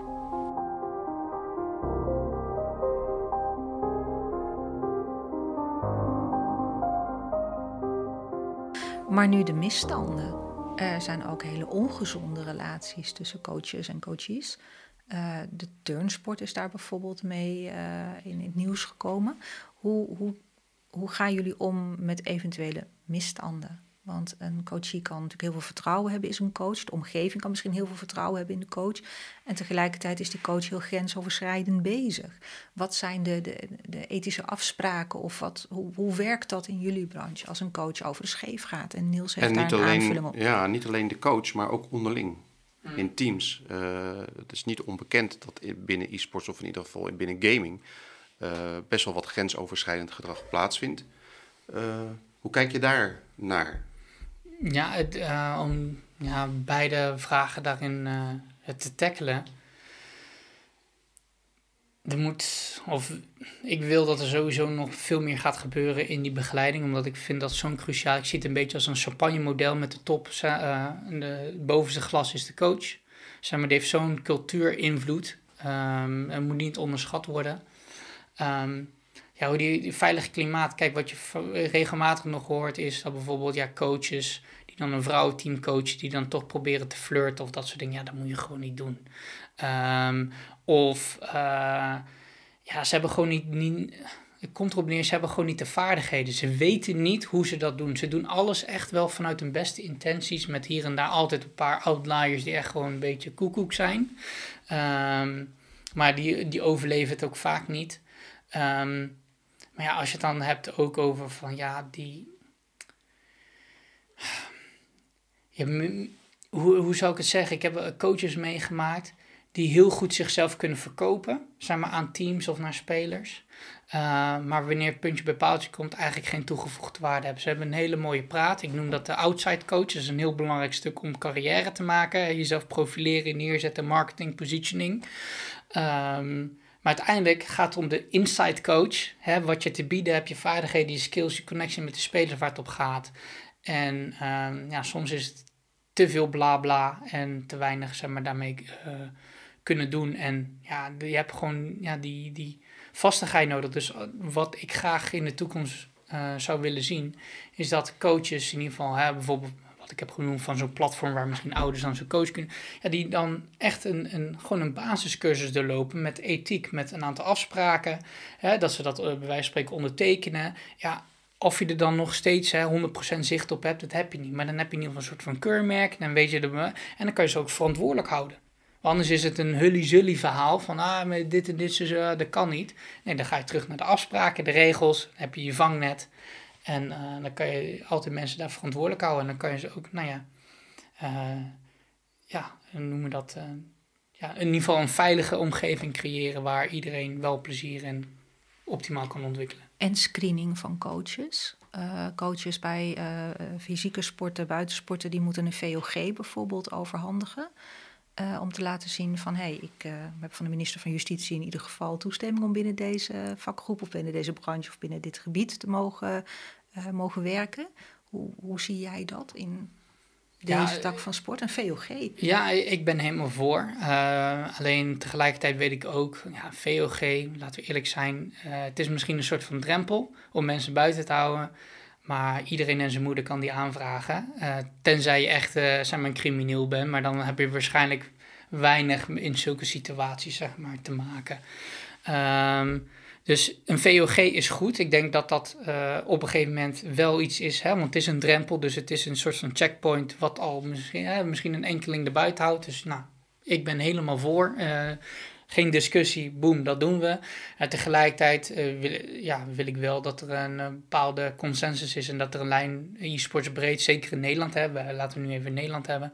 van nou, dit zijn de, de ethische richtlijnen en hier hebben we ons aan, aan te houden... En ja, dat simpel genoeg te maken dat iedereen bij wijze van spreken dat zo kan opdreunen. En dat, en dat ze dat ook voor hun gaat werken. En niet alleen van, oh, dit moet, maar ook hè, voor bij teams en dergelijke, dat zij kunnen, ik heb dit keurmerk, daarom heb ik een bepaalde achtergrond, ik heb een bepaalde training gehad, ik heb het zus en zo. En daardoor zijn jouw spelers of jouw community veilig bij mij. En daardoor heb ik meer waarde dan de persoon die de andere hebt. Dus het werkt beide kanten op. Ja, en dan het team. Want is er voldoende zelfreinigend, uh, voldoende zelfreinigend systeem in e-sports. Om dingen als pesten, bullying, uitsluiting, muting, allerlei vormen van uh, wangedrag, wat je bijvoorbeeld ook op Discord uh, tegenkomt, mm. om dat tegen te gaan. Of om het misschien in ieder geval te herkennen en het in, in het licht te zetten. Ja, um, daar zijn we een soort van aan het voorsorteren vanuit de branchevereniging e-sports Nederland.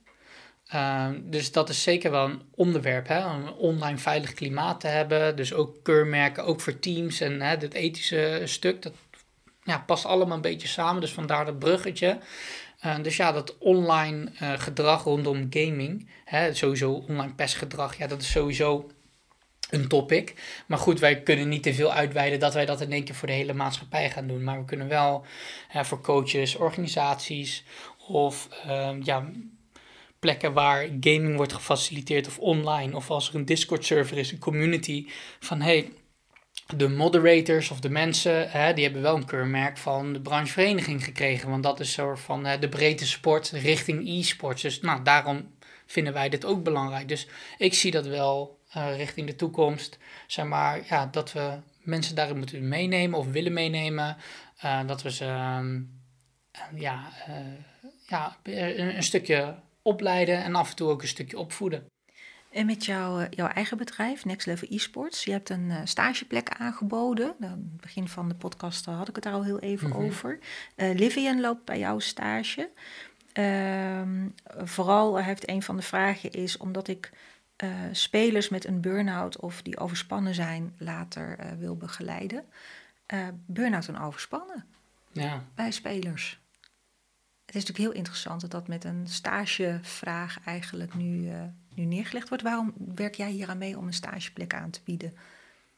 Ja, ehm, het logische of het meest voor de hand liggende, en dat is het ook, is van ja, ik bouw graag mee aan het ecosysteem om mensen te laten zien hoe het wel moet. Uh, hè, hoe professioneel of uh, e-sports kan zijn, dat we elkaar kunnen helpen, dat we nou, een soort van uh, lichtje zijn, zeg maar voor mensen die de ambitie hebben en maar niet weten, want er ligt nog best wel veel ja, ruimte tussen ja, de maatschappij en e-sports. omdat het ook achter een beeldscherm en online allemaal plaatsvindt. Uh, maar door het zichtbaar te krijgen en mensen die daar interesse in hebben, daarin te laten zien van hey, dit is het ook en dit komt er allemaal bij kijken. Een stukje, uh, of nou ja, een stukje voor mij, een heel stuk ondernemerschap, uh, zichtbaarheid, verbindenis, maar netwerken, al dat soort dingen, wat er allemaal voor nodig is om iets op te starten. Um, ja, dat is een hele, denk ik, een hele leerzame ja, periode voor een stagiair. Ja, om dat te kunnen bijwonen, te observeren, te kijken hoe, hoe dat allemaal gaat. En hetzelfde hier van uh, Livian, die zit hier, uh, zien jullie niet, maar die zit, die zit er ook bij. Hij is white. uh, maar ook om dit te zien van, hey, weet je wel, van welke onderwerpen worden besproken, wat is allemaal belangrijk. En uh, om te laten zien van, hey, hoe gaat nou zo'n zo'n podcast? Hè? Van, dit is ook weer een stukje ja, marketing, positionering. Hè? Hoe kan je je naam naar buiten brengen? Hoe kunnen we het uh, een stukje mooier maken? Bewustwording, ouders kunnen beïnvloeden, et cetera. Ja, dat er zoveel uh, ja, kansen eigenlijk liggen in dit spectrum van ja, gaming, e-sports, ook entertainment en ja, dat, dat het alleen maar ja, groter en meer is. En ja, het is al groter en meer, maar dat mensen het meer gaan omarmen en het echt voor wat het is kunnen inzetten en echt op de kracht kunnen ja, waarderen. Waar wil jij verder naartoe met jouw bedrijf? Wat is jouw stip op de horizon? Ja, mijn uh, uiteindelijke doel is uh, de nummer één autoriteit wereldwijd worden op het gebied van e-sports coaching. Dus dat is, nou ja, uh, hè, de, dus de cursussen, de, e de, ook de ethiek waar we het net over hebben gehad. Ja, daar een aandeel in kunnen, ja, kunnen hebben. En dat mensen denken van, oh ja, weet je, als je een goede coach wil worden, dan moet je bij Next Level Esports zijn. Of ik ken nog wel iemand of iets. Ja, die heeft echt topcursussen, die heeft echt topbegeleiding, goede workshops altijd, goede kwaliteit. En nou, dan, dan ga je echt, want ik geloof niet in informatie, zo zeg ik altijd. Ik geloof alleen in transformatie. En dat gaat door ja, interactie, betrekken, hoe het is, oefenen met al die vaardigheden in plaats van het weten. Hè? Dus dat is ook nog wel een klein zijspoor van, ja, e-sports mensen zijn best wel intellectueel zeg maar, uh, ingesteld. Zeker bij, uh, uh, helemaal bij StarCraft en League of Legends. Van, je hebt zoveel processen die je in de gaten moet houden. Dat zijn vaak nou, HBO plus, zeg maar, geschoolde personen. Dus ja, weet je al, dus... Er komt veel kennis en dingen bij, bij kijken wat het allemaal is. En ja, dan moet je het gewoon goed doen. En, maar tegelijkertijd hebben zij ook van, oh ja, ik begrijp het wel ah, ik snap, ik snap wel hoe het gaat. Maar dat is niet hetzelfde als het kunnen doen in de praktijk. En ja, ik hoop dat ik dat ja, op mijn manier, en steeds gaat het beter, beter zoeken, de zoekende, door er uh, hard voor me in te zetten, ja, steeds beter. En uh, dus ik hoop echt ja, die gedragsverandering te, te creëren. Niet alleen het bewustzijn, maar echt de gedragsverandering. Zodat hè, de verhalen vanuit de uh, de turnen of traditionele sport, wat nou ja, dit decennia heeft gedaan om het punt waar het nu is en nu wordt er naar gekeken, om dat niet te hoeven, maar dat we van tevoren die lessen ook zeg maar, kunnen nou ja, meenemen en iets moois kunnen neerzetten.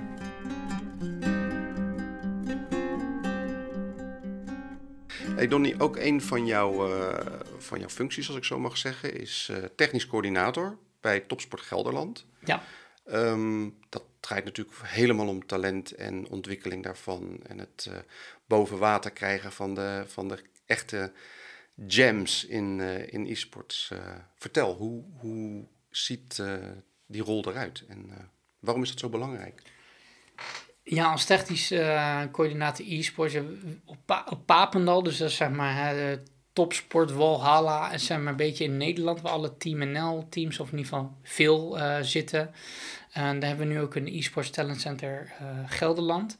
En daar hebben we op dit moment drie games. Dat is Valorant, FIFA en e-racing. Komt waarschijnlijk nog na de zomervakantie binnenkort League of Legends bij.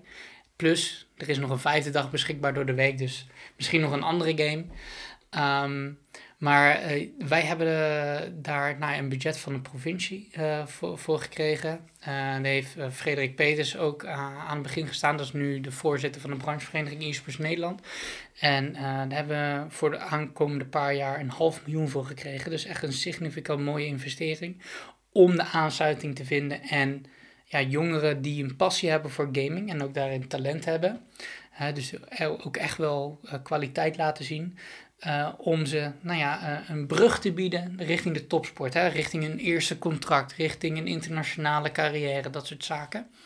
Um, en hoe wij dat inrichten op dit moment is, nou ja, als je daar geselecteerd voor bent, dan ga je op locatie drie uur trainen. Dus dat is ook interactief met andere talenten.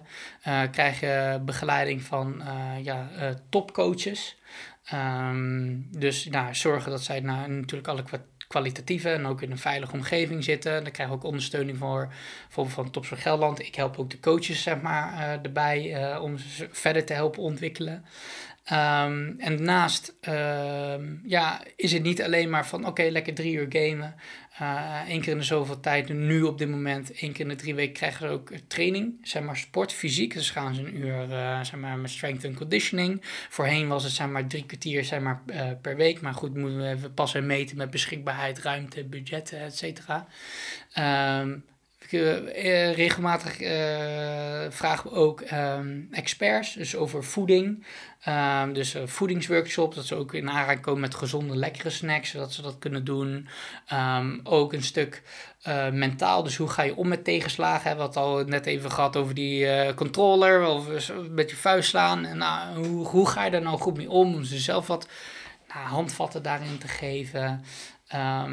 ja, plus niet alleen dat, de, het project is groter dan dat. We doen ook een scholentour maar, in Gelderland voor uh, voorlichting over ja, de positieve kant van, uh, van, van gaming. Um, en nou, worden de talenten ook ingezet als, nou, zo noemen ze dat, microhelden. Om nou, een half uurtje, uurtje een presentatie te geven over hoe, hoe een uh, ja, eigenlijk reis eruit zag van nou, enthousiaste gamer, waar ze op moeten letten om ook weer andere jongeren te inspireren. En ja, bekend te maken hoe het dan gaat en hoe je dan ook een carrière kan krijgen. En er zijn er hele mooie resultaten uitgekomen met eh, contracten internationaal, eh, kampioenschappen, eh, overwinningen. Dus ja, het heeft echt nu al binnen een jaar tijd significante impact en dat is fantastisch om te zien. Over welke leeftijd hebben we het dan? op dit moment, de jongste is 14 en de oudste is 20. Drie games, nu league erbij en mogelijk een vijfde. betekent dat er een enorme erkenning is vanuit de sportwereld, uh, topsportwereld, voor ook e-sports. Dat is lang mhm. natuurlijk helemaal niet, uh, geen sprake van geweest eigenlijk. Nee, klopt. Uh, kijk, de, de provincie Gelderland heeft daar echt zijn met voortouw genomen. Uh, dus dit, wat wij hier hebben in, op Papendal, ja, dat is uniek. Dat is er nog niet in, ja, in de rest van Nederland. Er zijn wel wat andere talentontwikkelings ja, um, programma's gaande. Uh, bijvoorbeeld uh, in Brabant, uh, dat ze wel bijvoorbeeld een sportpsycholoog krijgen of training, maar dan niet de training met begeleiding erbij. Dus wij hebben echt een locatie met high-end game PC's, PlayStation 5, noem maar op. ja, de beste apparatuur om het zo te zeggen. Um, dus nou ja, en dit, ik heb ook altijd van het begin gezegd van, nou, ik wil graag een paradepaardje zijn en niet om mijn ego te boosten, maar om zoiets moois neer te zetten, hè, met ook beleid, contracten, begeleiding eromheen, dat bijvoorbeeld andere gemeentes en provincies denken van, ja, moeten we toch wel meedoen. Gaming en e-sports, hoor je regelmatig. Ja, wie weet er wat vanaf? Of uh, kunnen we ergens het huiswerk kopiëren? Nou, alsjeblieft, contact mij, zeg maar, provincies, eh, weet ik veel wat en dergelijke. Uh, neem contact met me op en krijg van mij, zeg maar, de hele blueprint om ook een soort gelijk talentencentrum, zeg maar, neer te zetten. Wat je erbij nodig hebt, uh, wat, zeg maar, kosten, zeg maar, wat, wat, je eruit kan halen. Ja, en als we dit in een ecosysteem, zeg maar, verder kunnen groeien, ja, dan kunnen we steeds ja, het serieuzer nemen. Ehm, en ja, eh, bepaalde negatieve stigma's zeg maar, wegwerken. En ook echt het verschil zien en de kracht van e-sports. En ehm, ja, op dat eh, ja, echt voor de maatschappij laten werken. En ja, mensen daarin ja, top, topsport inspireert, zeggen ze dan altijd. In ieder geval bij Topsport Gelderland, om dat ook ja, die brug te slaan. En ja, en jongeren te inspireren dat het een onderdeel kan zijn van hun leven. En dat er meer bij komt kijken dan alleen het spelletje. Dus ook al die gezonde dingen. En, en daarin is ook zeg maar, de, uitgang, of de uitgangspunten zijn uh, ook van Topsport Gelderland dat, dat ze beter uh, leren sporten en bewegen. Hè, ze zeggen vaak, ja, ze zijn sport- en beweegarm. Misschien gamers zo, e-sporters zijn al wel verder, die zijn meer richting de topsport. Dat is een ander soort profiel ook, dus daar kan je er wel naartoe groeien. Dus dat is één. Maar het, het allerbelangrijkste uitgangspunt is dat we fijnere, betere uh, mensen creëren. Dus niet een nieuwe Messi, niet een Ronaldo. Het uitgangspunt is ook weer hoe kunnen wij door middel, hè, middel van gaming en e-sports zo'n fijn en goed mogelijke mensen voor onze maatschappij creëren door in te steken van hun passie. En nou luisteren ouders en die denken van ja, maar mijn kind is ook echt hartstikke goed in FIFA. En ik woon in Zuid-Holland. En ik woon in Zuid-Holland. Of, Gelderland, of, hè? Uh, of, ik woon, of mijn, mijn kind is, is, uh, speelt uh, heel veel Valorant en laat gewoon daar een topniveau in, in zien. Hoe kan zo iemand dan in contact komen met een top, topsportprogramma? Ja, een goede vraag. Op dit moment zijn we langzaam mee bezig om meer de deuren te openen. In het begin zijn we, ja, heel eerlijk gezegd, gewoon gestart. En op een gegeven moment zijn we meer uh, ja, de pionnetjes, de zijwieltjes nu aan het weghalen. Omdat wij weten zeg maar, hoe het werkt. Uh, maar op een gegeven moment, ja, we hebben een website, uh, esportstalentcenter.nl. Um, en nou ja, daar kan je je niet op aanmelden, maar daar kan je wel contact mee zoeken. Waarschijnlijk zie je dan mijn telefoonnummer of een e-mailadres ook zeg maar, voorbij komen. Um, dus ja, neem contact op. We kunnen altijd even uh, bellen. Weet wel, uh, je hoeft niet de allerbeste gamer te zijn. Hè? Die, anders zou je wel in een topteam zitten. Uh, maar je zal wel een top 5% ongeveer moeten hebben. Dus dat is ook weer zo. Ik weet niet hoeveel mensen er luisteren, maar sommige ouders denken al heel snel: ja, hij is echt heel goed, echt heel goed. Nou, vaak, ja, dat is dan lullig zeg maar, valt het wel mee. Maar wij zitten dan wel aan de, aan de, aan de topkant. Hè, dus moeten we wel meteen uh, iets hebben. Dus vraag eerst van: oké, hoe goed is dat dan? Dus zit je bij de top 5%, dan. Hè, maar we willen ook graag uh, mensen helpen van: oké, hoe kan ik hiermee omgaan? Dus wij zijn ook wel een soort van ja, vraagbaak. Dus heb je vragen over talentontwikkeling of hoe kan ik dit en dat, zus en zo doen? Stuur gewoon je, uh, je mail die kant op en dan nou, zal ik hoogstwaarschijnlijk dat antwoord geven om je verder te helpen of in ieder geval een richting op te sturen. Ja, en je kind, en kind weet het zelf ook vaak. Hè? Je kan gewoon ook aan je kind vragen, hoe goed ben je eigenlijk? Ja. En ze weten over het algemeen waar ze in de ranking wel, wel zitten. En als je dan zegt van is topsport misschien iets voor je en ze beginnen hard te lachen, dan is het waarschijnlijk uh, niet zo. Ja, nee, ja, klopt ook. Kijk, daarvoor, zeg maar, net daarvoor, dus uh, dit is wel uh, nu tussenlaag, een fantastische stap. Um, ik heb ook al verhalen gehoord dat gemeentes langzaam geïnteresseerd worden om jongeren te betrekken, et cetera, ook om gameclubs te organiseren. Dus dan heb je een soort van combinatie van casual gaming, dus gewoon hey, gezellig social bij elkaar komen, zet er een begeleider bij, heb je meteen, uh, meteen een psychologisch veilig klimaat. Uh, maar tegelijkertijd is ook een stukje uh, competitie, dus dat die game ja, clubs ook groter kunnen worden. Dus dan heb je meer niveaus. Dus ook al zijn ze niet top 5%, maar top 15%. Nou, dan ben je ook nog best echt wel goed. Hè? Maar dat zij onderling ook een toernooi kunnen. En dat er weer hè, steeds meer lagen komen. Net als bij de KNVB. Van de F'jes helemaal naar uh, uh, Nederland, tot aan ja, het Nederlands elftal. Ja. Uh, dat er een heel duidelijk uh, pad is. Dus nou, daar zijn we allemaal mee bezig met de branchevereniging eSports Nederland. Om dat vorm te geven. Ja, het is een hele grote puzzel.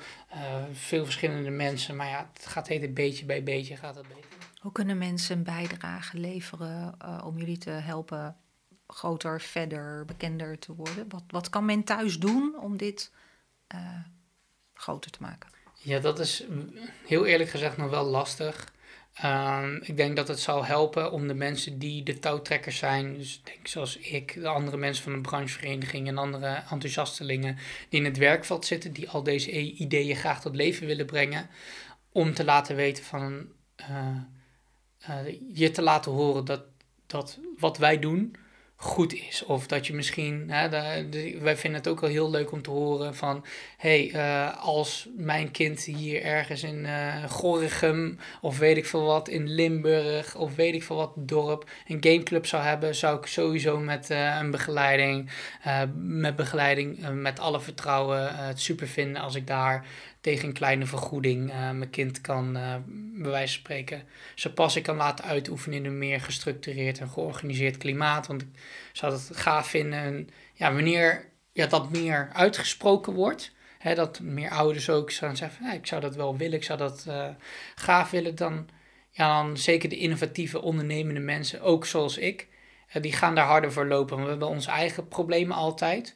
Maar als mensen vanuit een positieve kant komen van hey, kunnen we dit niet doen of kunnen we dat niet doen of ik zie hier kans in, uh, kunnen jullie hierbij helpen? Er zijn altijd mensen die willen helpen.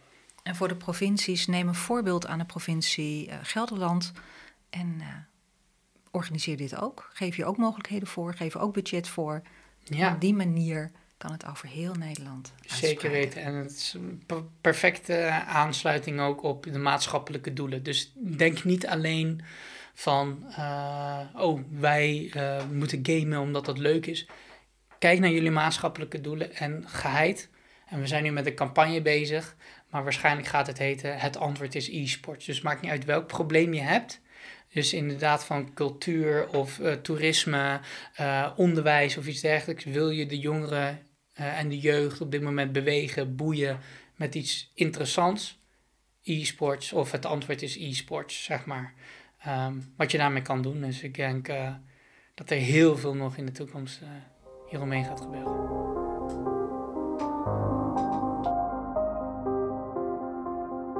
en nou mag een uh, gast bij ons aan tafel ook altijd een wens uitspreken. Of een, ons, ja. een idee waar je zegt van als ik dat heb, als iemand luistert die mij kan helpen met dit specifieke punt, dat is wat ik nodig heb om, uh, om de volgende stap te maken. En je hebt hem eerder in de podcast heb je al even genoemd, dat platform mm. voor coaches. Um, hoe kan een luisteraar zijn netwerk uh, gebruiken om uh, jou te helpen in, je, in de totstandkoming van, jou, van jouw doel? Ja, kijk, het platform voelt nu een beetje als een soort van nog een side dingetje. Het is een idee, zo heb ik nog zeg maar 15 andere ideeën. Maar dit is wel iets dat ik denk van nou, hier zou ik significant een impact kunnen maken in Nederland. Want er zijn soortgelijke platformen uh, ja, in het buitenland. Uh, maar daar ben ik niet zo fan van. Omdat A, het is Engels. Uh, er is geen criteria, ze zijn dan gescreend. Maar het bedrijf bemoeit zich ook niet met de kwaliteit van het coachen. Dus ze zeggen van ja, wij faciliteren het platform, uh, maar we laten jullie je ding doen. Dat, dat vind ik gevaarlijk. Hè? Dus ook al is het alleen maar op het spel, ik heb graag zeg maar, meer die holistische aanpak en dat er af en toe naar school wordt gevraagd en dat je daar mensen mee gaat helpen. Dus nou ja, als dat een, eh, een ding is, ik weet niet per se een wens, maar goed, dat zou wel een, een stap kunnen zijn is, nou ja, goed, uh, iemand die nou, misschien denkt van, nou, misschien als je dit hoort, ik ben bereid om uh, daarin te verkennen van, nee, hoe, hoe kunnen we dit doen? Nou ja, daar heb je het over een idee, een, platform, misschien de technische kant erachter, hoe kan je zoiets opzetten in een website. Um, daar ben ik benieuwd naar hoe, hoe ik dat zou kunnen doen, want ik heb een, ja, best wel een portfolio, ook in Nederland, met spelers en coaches die ook echt wel uh, wat kunnen bieden en goed zijn. Dus die snel daarin uh, kunnen zijn. Maar goed, dan ook nog de vraag of de markt daar behoefte aan heeft. Ik denk het wel. Hè, als iedereen, elke ouder deze podcast zou volgen, met name het stukje waarom uh, in plaats van de gitaar. leraar, ook een game leraar, zeg maar één keer of twee keer in de week langs kan komen of online. nou ja, dan, dan zijn alle plekken snel vergeven. Dus zou zomaar wat kunnen zijn. Dus uh, nou ja, dat denk ik. Maar voor de rest, ja, een wens. Ja, dus ben jij of ken jij iemand die uh, Donny kan helpen met de volgende stap hierin, uh, zowel technisch als organisatorisch, om zijn platform neer te zetten, een website voor coaches, spelers, om de totale ontwikkeling van coaches in Nederland naar een hoger plan te krijgen, dan neem contact op met Donny op nextlevel.esports.nl NL? .com. .com. Ja, internationaal. Oké. ja, want het is bij ons uh, wie vraagt, die krijgt. Want uh, zo hebben we jou ook aan tafel gekregen door grote vragen. Wil jij bij ons in de podcast? Ja. Dus uh, het is een, nog steeds een succes, hè, dit stukje van onze podcast. Wie vraagt, die krijgt. Roep wat je, wat je nodig hebt. En de luisteraars ontsluiten hun netwerk voor jou. Fantastisch. Tof, hè? Fantastisch. Het is je van harte gegund. Ja, maar we willen natuurlijk wel uh, een terugkoppeling, hè? Als het uh, dadelijk zover is, dat je vertelt van... hé, hey, vanuit die oproep heeft uh, die en die zich gemeld. En, ja, misschien luistert er inderdaad een enthousiaste ouder die denkt van... nou, ik heb een technische achtergrond, ik ken iemand, mijn drie kinderen die, die gamen. Hier zie, ik wel, hier zie ik wel wat in en dan, nou ja... Precies dat, precies dat. Contact me. Dan gaan we wat doen.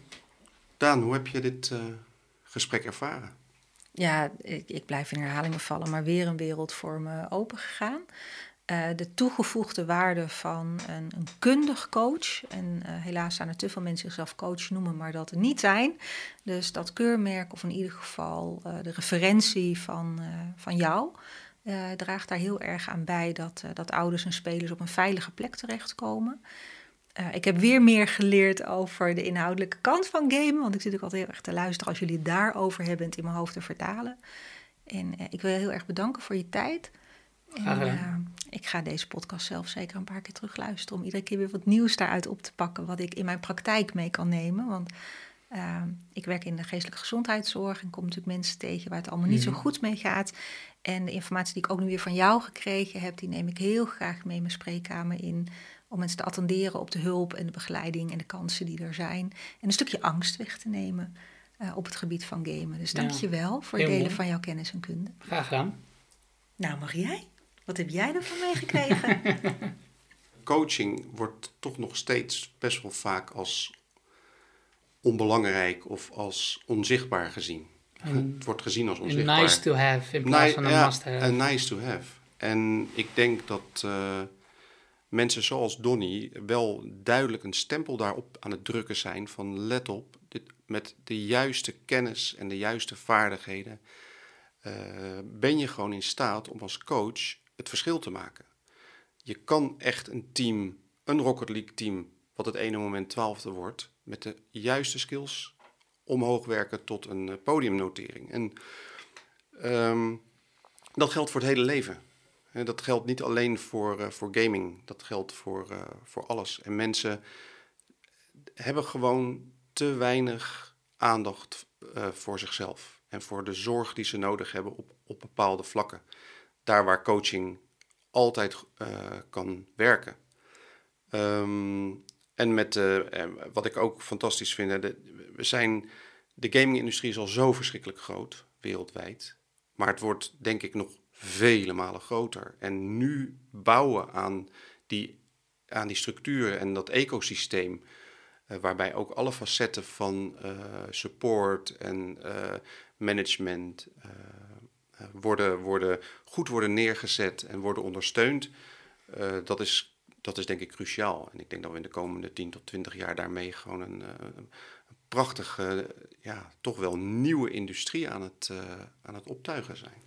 Ja, en ik denk ook als je je heel goed laat coachen en begeleiden in al je vaardigheden, in al je skills, in je, in je ontwikkeling als mens, dat je dat meeneemt, wat jij ook zegt, in alle gebieden van je bestaan. En ik ga uh, aankomende week naar een, uh, naar een avond waarbij Robert Doornbos komt van de Formule 1. En die gaat ook vertellen aan ondernemers wat hij uit zijn sport heeft meegenomen in bijvoorbeeld de wereld van ondernemers. Dus ik zie ook een hele weg voor e-sporters om op een gegeven moment in de buitenwereld, als ik het even buitenwereld mag noemen, uh, kan vertellen wat al hun vaardigheden en skills en wat zij daar geleerd hebben, wat dat van toegevoegde waarde heeft voor ons in de gehele maatschappij. En ik denk dat we daar meer naartoe moeten. Helemaal mee eens. Donny, hartstikke bedankt voor jouw bijdrage. En uh, heel veel succes met Next Level Esports. Dankjewel. Dit was Ga toch gamen de podcast. Wil je meer weten?